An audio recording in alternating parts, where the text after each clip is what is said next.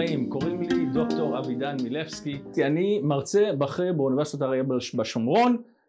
רציתי לדבר איתכם היום על אחד מהתיאוריות הכי מפורסמות והכי הכי רלוונטיות בעולם של פסיכולוגיה, ספציפית בעולם של פסיכולוגיה התפתחותית. יש הרבה הרבה תיאוריות בעולם של התפתחותי, אבל כנראה התיאוריה ששינתה את פני הטיפול ויחסי משפחה וכל הגישה שלנו כלפי פסיכולוגיה זה התיאוריה הידועה בשם תיאוריית ההתקשרות או תורת ההתקשרות. בואו נדבר מה בדיוק הדבר הזה ואיך זה רלוונטי לחיים שלנו. אז קודם כל היה תיאורטיקן מאוד מאוד מפורסם שחי באנגליה ובאמצע מלחמת העולם השנייה ומיד אחרי מלחמת העולם השנייה התיאורטיקן הזה ג'ון בולבי אחד מהמפורסמים בעולם של פסיכולוגיה התפתחותית עבד בהרבה מהבתי יתומים שנפתחו אחרי מלחמת העולם השנייה. אתם תתארו לעצמכם מיליוני אנשים שנהרגו במהלך מלחמת העולם השנייה והרבה ילדים לא היו להם הורים אז מדינות שהיה אכפת להם פתחו כל מיני בתי יתומים וג'ון בולבי עבד בבתי יתומים באנגליה, בבריטניה, ואחד מהדברים שהוא ראה, וזה היה ההתחלה של התיאוריה שלו, תורת ההתקשרות, הוא ראה שהרבה מהילדים שגדלו בבתים האלה נתנו להם אוכל ושתייה והדברים הכי בסיסיים, אבל מה שהיה חסר להם זה היה אהבה, קשר, חיבוקים, והוא ראה שהרבה מהילדים האלה שהיה להם אוכל ושתייה אבל היה חסר להם אהבה וחום וקרבה הרבה מהם פיתחו בעתיד בעיות פסיכולוגיות ומתוך זה הוא בנה תיאוריה הוא היה הראשון שהתחיל בתיאוריה הזאת והוא אמר בעצם שכמו שיש לילדים קטנים צורך בסיסי באוכל יש להם גם צורך בסיסי במגע, אהבה, קשר. עכשיו הוא לקח את זה צעד נוסף ועכשיו זה נהיה עוד יותר מעניין. מה שהוא אמר, שמה שקורה בשנה הראשונה של החיים שלנו, הוא קרא לזה תקופה קריטית, בשנה הראשונה של החיים שלנו, אם גדלנו בבית עם אימא, והוא כן הדגיש את האימא, אימא שמחבקת ונותנת ואוהבת, אז הילד בונה בתוכו מודל, הוא קרא לזה מודל עבודה פנימי. מודל, ומה המודל הזה עושה לנו? אנחנו מהנקודה הזאת והלאה. אם במהלך השנה הראשונה בצורה המשכית אמא הייתה שמה ונתנה וחיבקה אנחנו בונים בתוכנו איזשהו מודל דגם. ואנחנו מאז ולהבא מצפים שכל הקשרים שלנו כל הקשרים הבין אישיים שלנו יהיו גם בצורה של אהבה וחום וקרבה. אבל מה קורה אם במהלך השנה הראשונה של החיים שלנו זה לא מה שקיבלנו? אמא שבאמת לא חיבקה ולא אהבה ולא נתנה ולא אהבה את המגע הפיזי. בצורה המשכית במהלך השנה הראשונה של החיים שלנו אנחנו מפתחים מודל פנימי של נתק. ואז מהנקודה הזאת והלאה למהלך כל החיים שלנו אפילו בתור מבוגרים אנחנו אז מצפים שביחסים גם יש איזשהו נתק וכשאנחנו בעתיד מפתחים קשרים עם אנשים לא שאנחנו לא יכולים לפתח קשרים מפתחים קשרים אבל זה קצת מנותק יש קצת ריחוק למה? בגלל שבשנה הראשונה של החיים שלנו בזמן הקריטי הזה בשנה הראשונה הזאת ששם אנחנו בונים את הידע של מה זה יחס אם בשנה הראשונה הזאת אנחנו לא קיבלנו, בעתיד זה גם מה שקורה. עכשיו, בואו ניקח את זה צעד נוסף. סטודנטית של ג'ון בולבי בשם מרי אינסוורת, אמריקאית במקור, עברה לבריטניה לכמה שנים, עבדה תחת ג'ון בולבי ואז היא חזרה לארצות הברית, לאוניברסיטי וירג'יניה, אוניברסיטת וירג'יניה, ומה שהיא אמרה, היא לקחה את בולבי צעד נוסף ושם זה נהיה עוד יותר רלוונטי לחיים שלנו. היא בעצם אמרה שיש שלוש דרכים איך להתקשר עם אימא בשנה הראשונה של החיים ושלושת הסגנונות האלה בעצם אז ישפיעו על העתיד שלנו. עכשיו מה הם שלושת הסגנונות האלה? קודם כל איינזור תיארה ילדים בשנה הראשונה של החיים שיש להם התקשרות בטוחה. התקשרות בטוחה. מה זה ילד קטן בשנה הראשונה שמפתח התקשרות בטוחה? זה אימא שנותנת ומחבקת ולפני שהילד אפילו מתחיל לבכות האימא כבר יודעת הילד יבכה והאימא מרימה את הילד ומחבקת את הילד אם שנה ראשונה לילד יש אימא כזאת שנותנת ומחבקת לאט לאט במהלך השנה הראשונה הילד יפתח איזושהי התקשרות בטוחה. מה זה אומר? בעתיד גם יהיה לו התקשרות בטוחה. עוד רגע נתאר מה זה מבוגרים עם התקשרות כזאת. עכשיו, יש גם מספר שתיים, עוד סגנון של התקשרות, וזה התקשרות לא בטוח נמנע. מה זה הנמנע? הנמנע זה ילד שבמהלך השנה הראשונה אמא לא נותנת ולא מחבקת, זה אמא שאולי עצבנית מתי שהילד בוכה. יש אמהות, אמהות מאוד אוהבות אפילו, שכשהילד בוכה זה מעצבן אותם, הם לא אוהבים את הקשר הפיזי הזה.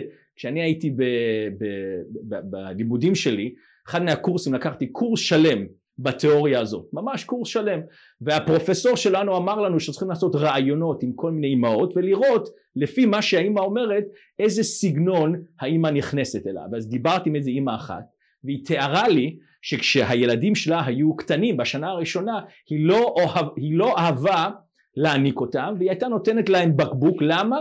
כי כל פעם שהעניקה את הילד היא אמרה לי אני מרגישה כמו פרה. לא אהבתי את הקשר הזה לא אהבתי. כשהיא אמרה לי את זה אמרתי לעצמי כנראה זה מה שאיינסרות תיארה את מי שיש לו התקשרות לא בטוח נמנע. זה הסגנון השני. שנייה עוד רגע נדבר אוקיי אז מה קורה בעתיד? מה זה להיות מבוגר עם התקשרות כזאת? אבל קודם כל נתאר את הסגנון השלישי הסגנון השלישי זה מה שנקרא לא בטוח חרדתי יש גם כאלה שקוראים לזה אמביוולנטי מה זה? זה אימא שבמהלך השנה הראשונה של החיים היא הייתה גם וגם. מה הכוונה? היו ימים שהאימא הייתה ונתנה וחיבקה ואהבה ואז היו זמנים שהאימא לא, היא הייתה מנותקת מהילד. ולאט לאט הילד בונה בתוכו את המודל של חרדתי. עכשיו, תיארנו בינתיים את האימא, מה ההתנהגויות של האימא במהלך השנה הראשונה שלאט לאט גורמת לילד או להיות במצב הראשון של התקשרות בטוחה, השני זה נמנע והשלישי זה חרדתי אמביוולנטי. האם אפשר לראות אצל ילדים איזשהו התנהגויות שקשורות לשלושת הדברים האלה? כן, מרי אינסוורת באחד מהמחקרים הכי מפורסמים בעולם של פסיכולוגיה התפתחותית הזמינה אימהות וילדים בני שנה לתוך המעבדה שלה ב university וירג'יניה, אוניברסיטת וירג'יניה בארצות הברית. ומה שהיא עשתה היא שמה אותם במה שידוע בעולם הפסיכולוגי לתוך מצב זר.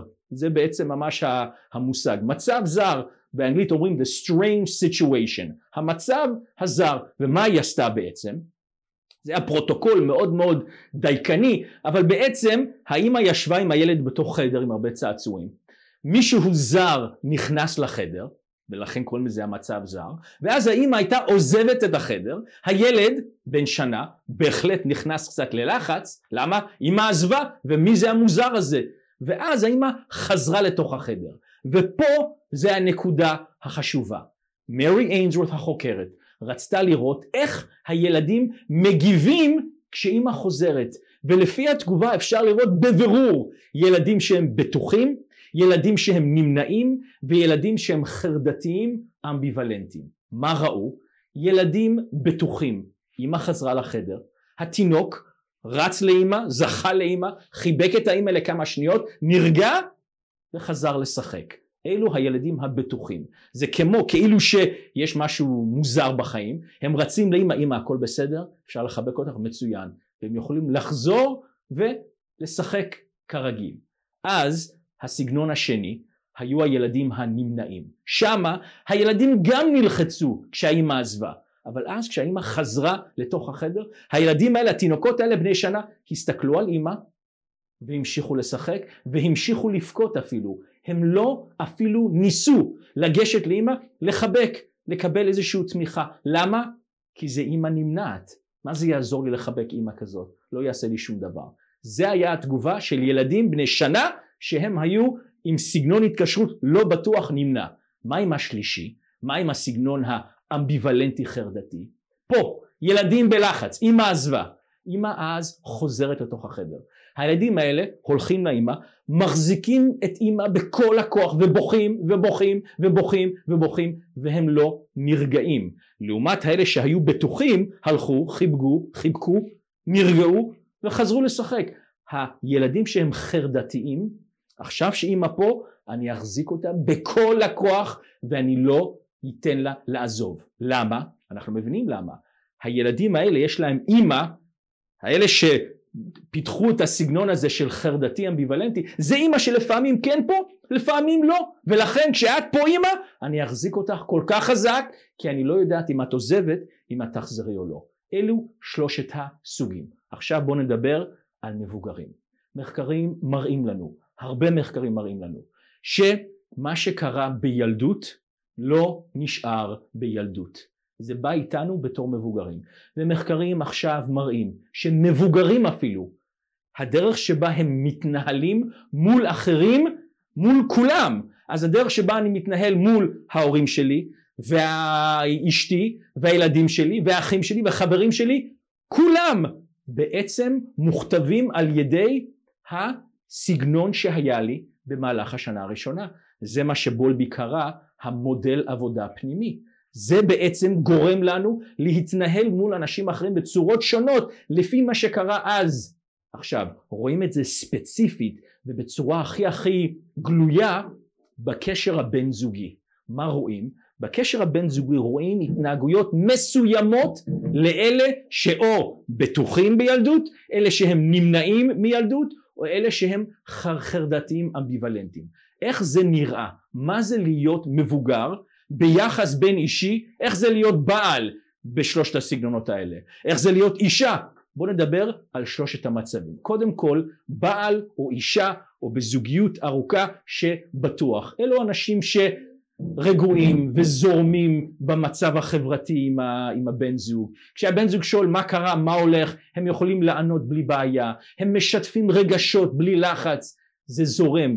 מחקרים כן מראים לנו שכשיש שתי בני הזוג שהם בטוחים יחד, שביעות רצון מהזוגיות אצלם, רואים את זה בצורה הכי הכי הכי בריאה והשביעות רצון הכי הכי טובה. אז יש את המבוגרים שהם עכשיו בזוגיות, אבל יש לאחד מהם סגנון התקשרות לא בטוח נמנע. מה זה? לפי מה שקרה אז בזמנו, לפי מה שקרה אז בשנה הראשונה. אלו אנשים שלא בנחת, לא רגועים לשתף רגשות עם אחרים. אלו אנשים שאולי שואלים אותם, נו איך הולך היום? הכל בסדר. הם לא משתפים, הם רוצים קצת ריחוק. אלו אנשים שאולי חוזרים הביתה אחרי יום שלם של עבודה, והם לא רוצים לרוץ לבני הזוג ולדבר איתם איך היה היום. מה הם רוצים? קצת שקט, הם רוצים קצת מרחק. למה? זה חוזר למה שקרה לפני הרבה הרבה שנים כשהם היו ילדים. אלו ילדים שבעצם למדו בגלל כל התורת ההתקשרות הזאת וזה המודל שלהם שכשאני במצב לחץ מישהו לא באמת יכול לתמוך בי. לכן כשהם היו בני שנה במעבדה של מרי איינזוורת והאימא חזרה והם היו בלחץ הם לא ניסו לתקשר איתה, הם לא ניסו לקבל חיבוק. למה? כי יש להם התקשרות לא בטוח נמנע. ובתור מבוגרים אותו דבר, הם לא מרגישים את הצורך לתקשר עם אנשים אחרים בצורה רגשית. זה הסגנון השלי. מה עם הסגנון השלישי? הסגנון השלישי של התקשרות לא בטוח חרדתי אמביוולנטי. אז כשאני מתאר את זה, תזכרו מה האמא עשתה אז בזמנו, כשהם היו ילדים קטנים. אלו אנשים שהם מאוד בלחץ בתוך הזוגיות שלהם. הם תמיד מבקשים מהאחר לשאול, הם שואלים שאלות לגבי האם אתה באמת אוהב אותי? האם אתה באמת איתי? הם הרבה בלחץ, לפעמים אנשים כאלה אפילו בודקים לפעמים את הפלאפון של האחר לבדוק עם מי הם מתקשרים, עם, למי הם שולחים אס.אם.אסים, uh, למה? הם בלחץ, מה קורה בצד השני, אז הם תמיד, אז כשהם נמצאים בזוגיות הם מנסים לשלוט בזוגיות בצורה לא בריאה, שוב פעם, זה מחזיר אותנו לשנה הראשונה של החיים. אימא שלפעמים כן לפעמים לא. אז עכשיו כשאני בזוגיות אני אחזיק את הבן זוג קרוב כמה שיותר והרבה פעמים זה הולך למקומות לא בריאים. בואו נוסיף עוד שתי נקודות. מה קורה כשאנשים בשלושת הסגנונות האלה, בטוח, נמנע, חרדתי, אמביוולנטי. מה קורה כשהם נכנסים לזוגיות יחד? אז כמו שאמרנו, שתי אנשים שהם בטוחים, מחקרים מראים לנו, הרבה מחקרים מראים לנו, שיש להם שביעות רצון מזוגיות הכי הכי לעומת כל הקומבינציות האחרות. מה קורה למשל לשתי אנשים נמנעים שהם יחד? יש להם זוגיות אבל כל אחד נמנע, הם לא באמת משתפים רגשות, יש איזשהו נתק ביניהם. מה קורה מישהו שהוא בטוח ונמנע יחד? אספר לכם סיפור, זה הזוגיות שלי ואשתי. אשתי ברוך השם יש לה התקשרות בטוחה. דבר אחד טוב ששוויגר שלי עשתה. לי יש נמנע. למה? כי אימא שלי נמנעת, נכון? אל תשכחו מהתיאוריה שזה ממשיך מדור לדור. אז אימא שלי יש לה התקשרות לא בטוח נמנע. למה לאימא שלי יש התקשרות לא בטוח נמנע? כי היא בת של ניצולי שואה. יש מחקרים שמראים שהילדים של ניצולי שואה יש להם כל מיני דברים בהתקשרות מאוד מאוד מעניינים. אז למסקנה אני מאשים את היטלר, כמה שיותר להאשים אותו יותר טוב בהחלט. אז לכן לי יש נמנע. עכשיו מה קורה כשאני מגיע הביתה מיום ארוך בעבודה ואני רוצה קצת להירגע. אשתי לא נלחצת מזה. למה? כי היא בטוחה, יש לה התקשרות בטוחה. בסדר, קח קצת זמן, תירגע, תבוא אליה כשאתה מוכן והכל בסדר. תתארו לעצמכם אם אני הייתי בזוגיות עם מישהו חרדתי. הם מחכים כל היום, כשאני בעבודה, להיות איתי, ככה שאני אראה להם שאני אוהב אותם. אני מגיע הביתה, אני רוצה קצת להירגע, והם מפחדים, רגע, למה, אתה לא אוהב אותי, מה קורה? זה גורם להרבה הרבה חיכוכים בזוגיות, לכן זה תמיד בעייתי, ותתארו לעצמם שתי אנשים שהם חרדתיים יחד, כל אחד מחזיק את השני, זה הרבה הרבה עומס בזוגיות כזאת, גם לא תמיד בריא. בואו נוסיף חלק אחרון בתיאוריה המרתקת. עכשיו, דבר אחד שחשוב לציין, כשאני אומר מחקרים, יש מחקרים שממש עשו את האבחון הזה של מצב הזר לפני 30-40 שנה עם קבוצה של ילדים ועקבו אחריהם למשך 30-40 שנה.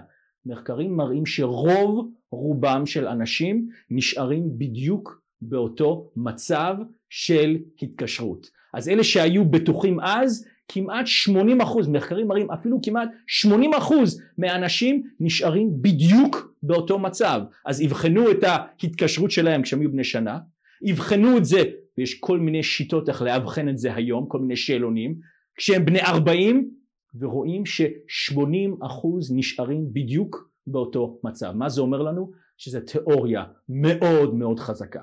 חלק אחרון, היו קבוצה של חוקרים באוניברסיטה בארצות הברית בדנבר, אוניברסיטת דנבר, שחשבו על הרעיון הזה. הם אמרו שאם אנחנו יודעים שסגנון התקשרות זה כל כך רלוונטי לחיים שלנו וזה במיוחד יוצא במצבים של לחץ רגשי. הם רצו לראות משהו מאוד פשוט.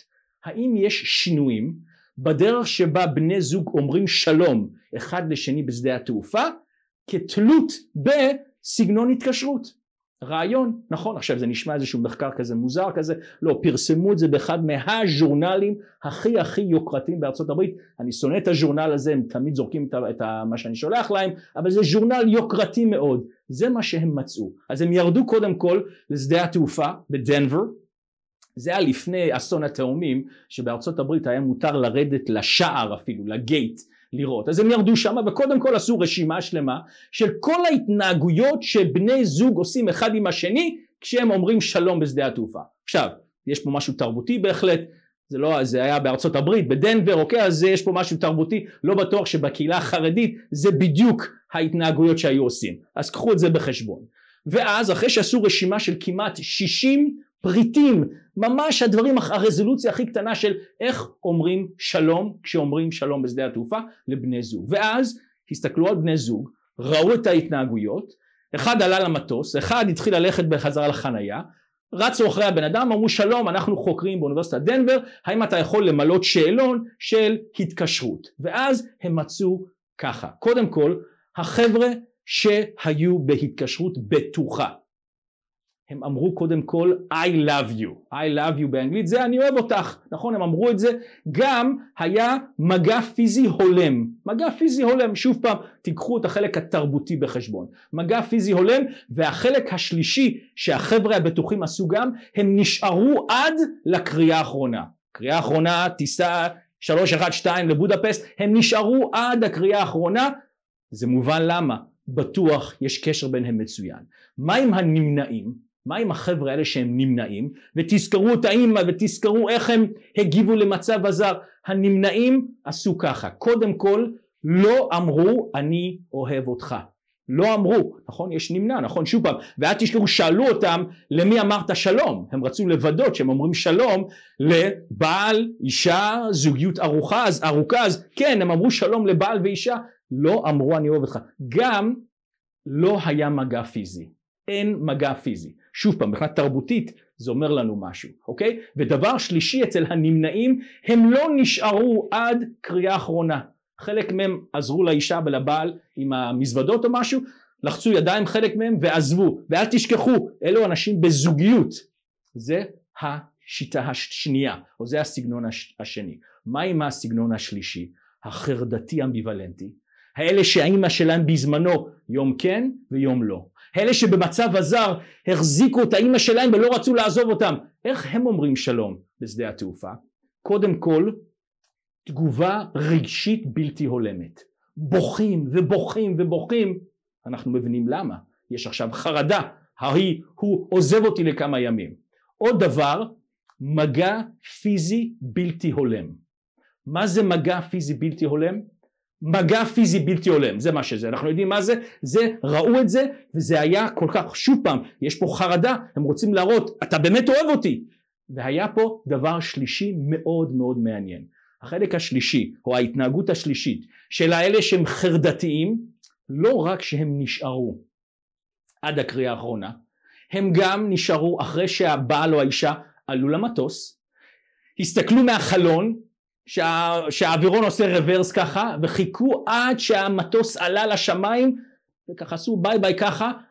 זה התנהגות מאוד מאוד מעניינת אבל זה מסביר לנו משהו מאוד מאוד מעניין כלפי הדרך שבה הם מתנהלים בזוגיות. יש פה חרדה והחרדה הזאת משפיעה על ההתנהגויות, ההתנהגויות שלנו בצורה מאוד מאוד מעניינת. אז בואו נסכם פה. יש לנו את התיאוריה של בולבי במקור ואז התלמידה שלו מרי איינג'וורת חילקה את זה לשלושה סוגים. בגדול שלושה סוגים. כל אחד כתלות בהתנהגות של אימא בזמנו. רואים את זה כבר אצל ילדים בני שנה במצב הזר. אבל הדבר הכי הכי רלוונטי לנו שבזוגיות אנחנו חייבים להבין את הבן זוג שלנו בכל הנושא הזה של התקשרות. לפעמים בני זוג מגיבים כלפי משהו שאמרנו או עושים משהו כלפינו ואנחנו קופצים מיד ואומרים רגע למה הם עושים את זה? וזה נהיה כל מיני בעיות. אנחנו חייבים להבין אולי זה מגיע מסגנון התקשרות. אם אנחנו מבינים את התיאוריה הזאת ומבינים איך ליישם את זה בזוגיות שלנו נוכל להכיל הרבה יותר מבני זוג ולא לקפוץ למקומות חשוכים של מה הם אמרו למה הם אמרו את זה מה זה אומר עלינו. יכול להיות שזה הרבה קשור לתורת ההתקשרות. בהצלחה